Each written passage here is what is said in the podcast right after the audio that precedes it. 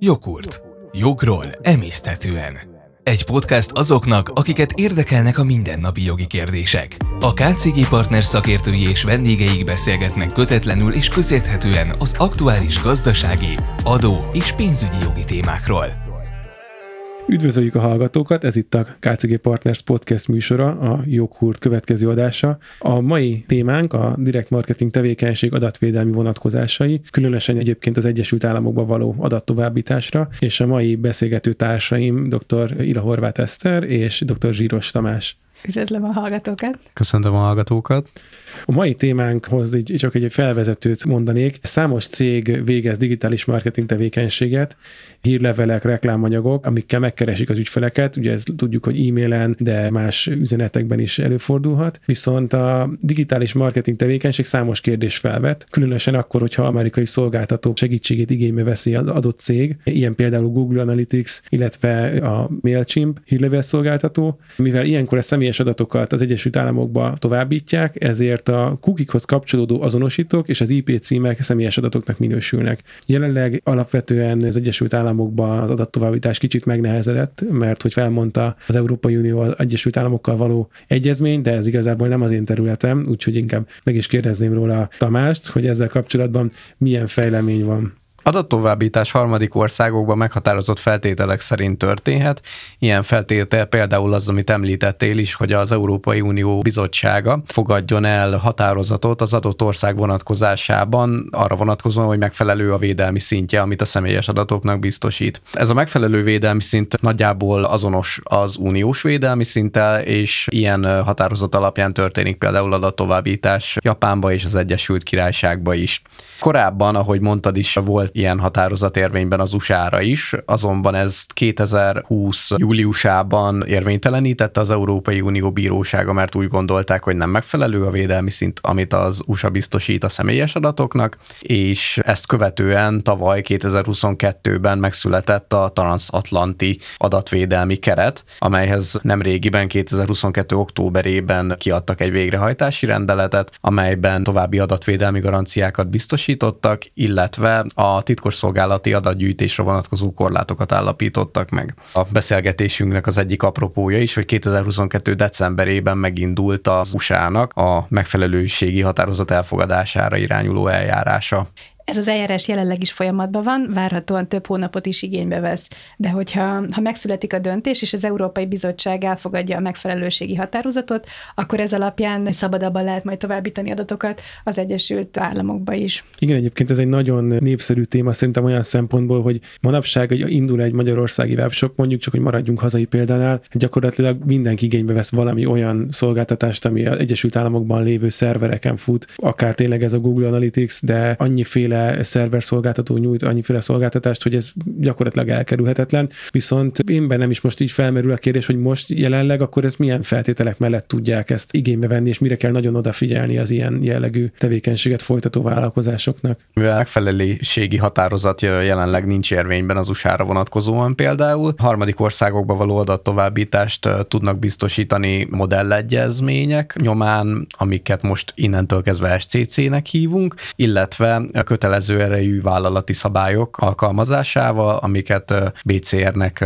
nevezünk innentől kezdve. BCR például az, amikor az Európai Unión belül letelepedett vállalatcsoport egyik tagja, és ő a vállalatcsoport többi tagjának továbbít adatokat harmadik országba, ilyen belső szabályzat alapján, ilyen BCR alapján. Ugye ez az egyik jogszerű módja, ami a GDPR-nek megfelel, a másik a modellklauzulák alkalmazása, amik igazából mintaszerződések, amiket szabadon lehet módosítani, egészen addig, amíg a GDPR-rel ez nem ellentétes, illetve személyiségi jogokban nem ütközik, és a legtöbb adat továbbítás egyébként ez alapján történik. Tehát akkor a BCR megoldás az nem igazán elterjedt? Nem, nem, nem. Összesen kettőt kötöttek, és nem is túl gyakori az alkalmazása. Igen, tehát a legtöbb adattovábbítás harmadik országokban ilyen modellklauzulák, illetve modellszerződések alapján történik. Mert ugye az Európai Bizottság ezeket még 21 nyarán jóvá hagyta, kiadott egy dokumentumcsomagot, ami tartalmazza ezeket a modellklauzulákat, ezért az adatkezelők ezeket felhasználhatják az adattovábbításakor. Tehát a partnercéggel, ahova továbbítják az adatokat, ha megkötik ezeket a modellklauzulákat, akkor az alapján történhet akár így harmadik országba is adattovábbítás. És akkor igazából arra kell figyelemmel lenni, hogy amikor igénybe vesz egy ilyen szolgáltatást egy vállalat, akkor az ASF-nek gondolom részét képeze, vagy egy különálló szerződés? Hát alapesetben a legnagyobb szolgáltatók a gyakorlatukat a, valószínűleg ezeknek megfelelően alakították már ki, tehát a,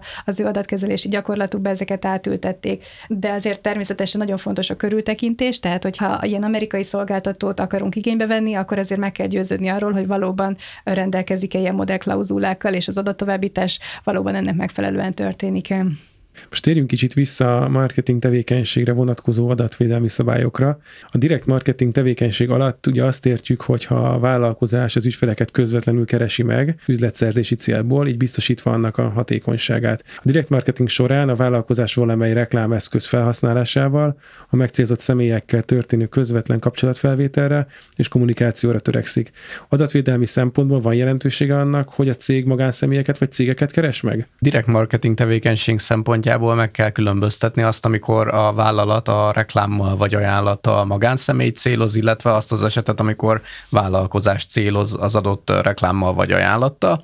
Abban az esetben, hogyha a direkt marketing tevékenység célzottja egy magánszemély, mindig az adatvédelmi jogszabályi rendelkezéseket alkalmazni kell, hiszen ilyenkor mindig személyes adatok kezelése történik. Abban az esetben, hogyha vállalkozást céloz az ajánlattal vagy reklámmal, és ezt semleges címre teszi, amire mindjárt mondok példát, olyankor nem történik adatkezelés, így az adatvédelmi rendelet rendelkezései sem alkalmazandóak. Ilyen például, amikor egy infokukacvállalatneve.com e-mail címre, vagy a vállalat saját telefonszámára érkezik a megkeresés ajánlat reklám. Abban az esetben viszont, hogyha a vállalat kapcsolattartójának például megvan adva egy természetes személy, és a természetes személynek megvan adva a telefonszáma, akkor viszont a GDPR rendelkezései megfelelően alkalmazandóak, hogyha erre a telefonszámra érkezik az ajánlat vagy reklám. Tehát akkor jól értem, hogy nem kell mindig bekérni az érintettek hozzájárulását. Nem, nem, nem. Hát, hogyha vállalkozást célzunk, akkor igen. és semleges az e-mail cím vagy telefonszám, akkor nem. Igen, tehát hogyha nem történik adatkezelés, tehát hogyha olyan e-mail címre érkezik a direkt marketing megkeresés, ami nem tartalmaz személyes adatot, mert az csak a cégnek a, az adatait tartalmazza, akkor nyilván nem merül fel az adatkezelés, és ezért nem alkalmazandóak az adatvédelmi rendelkezések. De alapesetben, hogyha ha történik adatkezelés, akkor a, a főszabály szerint a direkt marketing tevékenységhez be kell kérni a cégnek, az érintetnek a hozzájárulását. Mondjuk ezzel kapcsolatban azért a, a gyakorlat nem teljesen egyértelmű, mert hogy jelenleg a GDPR preambuluma tartalmaz ezzel alól egy kivételt. Azt mondja, hogy bizonyos esetben a direkt marketing tevékenység a társaságnak a jogos érdeke alapján is folytatható, ami már egy másik jogalap, tehát nem az érintettnek a hozzájárulás, hanem jogos érdek alapján is történt az adatkezelés. Viszont ez csak egy elég gyenge kivételszabály, mert hogy ahogy említettem is, ez nem a GDPR-nak a törzszövegében van, hanem csak a preambulumában van ez a kivételes lehetőség lehetőség. És ennek a bizonytalanságnak az az oka, hogy elvileg az lett volna az európai jogalkotónak a szándéka, hogy a GDPR-ral egy időbe hatályba lép az elektronikus hírközlésről szóló rendelet is, az e-privacy rendelet, azonban erre nem került sor. Ezért jelenleg csak a GDPR-ról hatályos, aminek ugye a fő szellemisége az, hogy közvetlen üzletszerzési tevékenységhez szükség van az érintettnek a hozzájárulására, de ugyanakkor megfogalmaz a preambulumában egy ilyen kivételes esetet is, hogy bizonyos esetben jogos érdek is elegendő lehet. És ehhez képest meg a magyar szabályozás sem teljesen egyértelmű, mert a, a reklámtörvény pedig azt mondja, hogy ha természetes személyek a, az üzletszerzésű megkereséseknek a címzetjei, akkor kell hozzájárulás. Viszont, hogyha meg arról van szó, hogy nem kifejezetten a természetes személy célzott, hanem mondjuk egy másik vállalat, és a, az adatkezelés az csak a kapcsolattartói adatok tekintetében merül fel, akkor már nehezebb megállapítani, hogy akkor most kell hozzájárulás, vagy sem. Tehát alapvetően elég nagy a bizonytalanság ezen a területen. Kicsit még beszélnék erről, hogy mi is ez a kivétel. Ez akkor alkalmazható, hogy akkor történt jogos érdek alapján a közvetlen üzletszerzés céljából az adatkezelés, hogyha az adatkezelőnek van kapcsolata az érintettekkel, egy fennálló kapcsolata, ami alapján az érintett számíthat arra, észszerűen elvárhatja azt, hogy őt direkt marketing megkeresésekkel fogja a cég megkeresni. Erre egy példát mondok, hogyha van egy cég, és egy másik cégnek már eladott mondjuk íróasztalokat, akkor a másik cégnél az érintett munkavállaló számíthat arra, hogy ugyanarra az e-mail címre fog kapni másik hirdetéseket is, tehát például ami ehhez kapcsolódó, tehát ha nem csak íróasztalról, hanem mondjuk irodai gurulószékekről is fog kapni megkereséseket. Ebből adódik nekem azért a kérdés, hogy mi van akkor, hogyha nincs semmilyen ilyen ügyfélkapcsolat, tehát teljesen vadidegen cég, vadidegen másik céget hogyan tud megkeresni ilyen reklámanyagokkal vagy marketing tevékenységgel? Hát igen, ilyenkor jön be az, hogy szükség van a hozzájárulásra.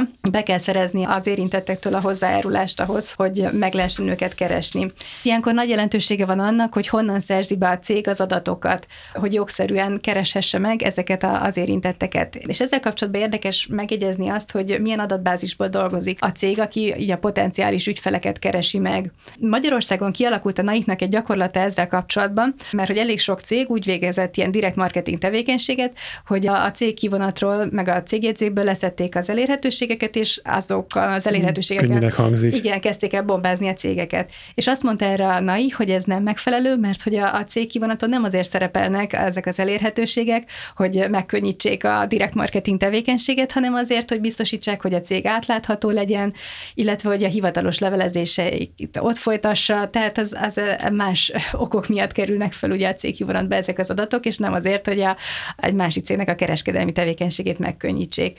És ezért a, a NAI azt mondta, hogy azért adatvédelmi szempontból problémás az, hogyha ha ilyen adatbázisból dolgoznak.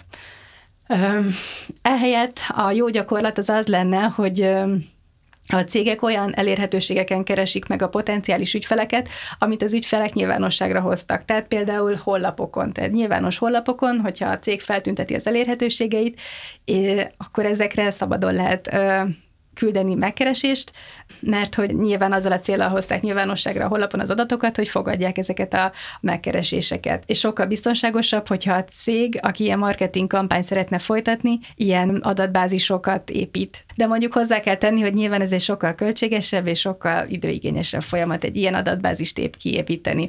De a NAHI szerint ez felel meg az adatvédelmi rendelkezéseknek maradéktalanul. És hogyha hozzájárulásra van szükség mondjuk egy ilyen ismeretlen cégek esetében, akkor van valami olyan gyakorlat, amit érdemes követni, vagy mi a, mi a tapasztalat? A hozzájárulást azt előzetesen kell bekérni a cégektől, és ezzel kapcsolatban a NAI azt emelte ki, hogy az tekinthető a legprudensebb gyakorlatnak, hogyha először a címzet tesz valamilyen aktív lépést annak érdekében, hogy őt megkereshessék. Tehát például, hogyha valaki regisztrál egy honlapon, akkor ott az előzetesen elolvashatja a tájékoztatót az adatkezelésről, és akkor ő tesz egy aktív lépést, és akkor számíthat arra, hogy akkor megkeresések fognak hozzáérkezni. Ez az egyik jó gyakorlat, az ilyen e-mailes megkeresések esetén, a másik pedig telefonhívásoknál, mert ugye telefonon is lehet folytatni akár ilyen direkt marketing tevékenységet, telefonon is meg lehet adni a hozzájárulást az érintetteknek. Ilyenkor ez az szokott problémát jelenteni, hogy hogyan tájékoztatják az érintetteket az adatkezelésnek a körülményeiről. Mert ugye elég sok mindenről kell az érintetteket tájékoztatni, és hát ez elég sokáig eltarthat, mire egy ilyen hosszú adatkezelési tájékoztatót felolvasnak a telefonhívás kapcsán, és ezért ez, ez ugye eléggé elnehezítheti a kampányt. Hamar leteszik a másik. Igen, hamar leteszik. Ezért azt mondják, hogy egy jó gyakorlat lehet például az, hogyha csak legfontosabb körülményeket ismertetik az érintettel a telefonbeszélgetés során, és elmondják azt, hogy egyébként a honlapon elérhető a teljes adatkezelési tájékoztató. Köszönjük szépen, hogy minket hallgattak, tartsanak velünk legközelebb is. Viszontalásra. Viszontalásra. Viszontalásra. Ez volt a Jogurt, a KCG Partners podcastje. A beszélgetésben elhangzottak nem minősülnek jogi tanácsadásnak, a műsorban résztvevők magánvéleményét tükrözik. A műsornak nem célja a jogi tanácsadás, és nem is minősül annak, de garantáltan megéri hallgatni.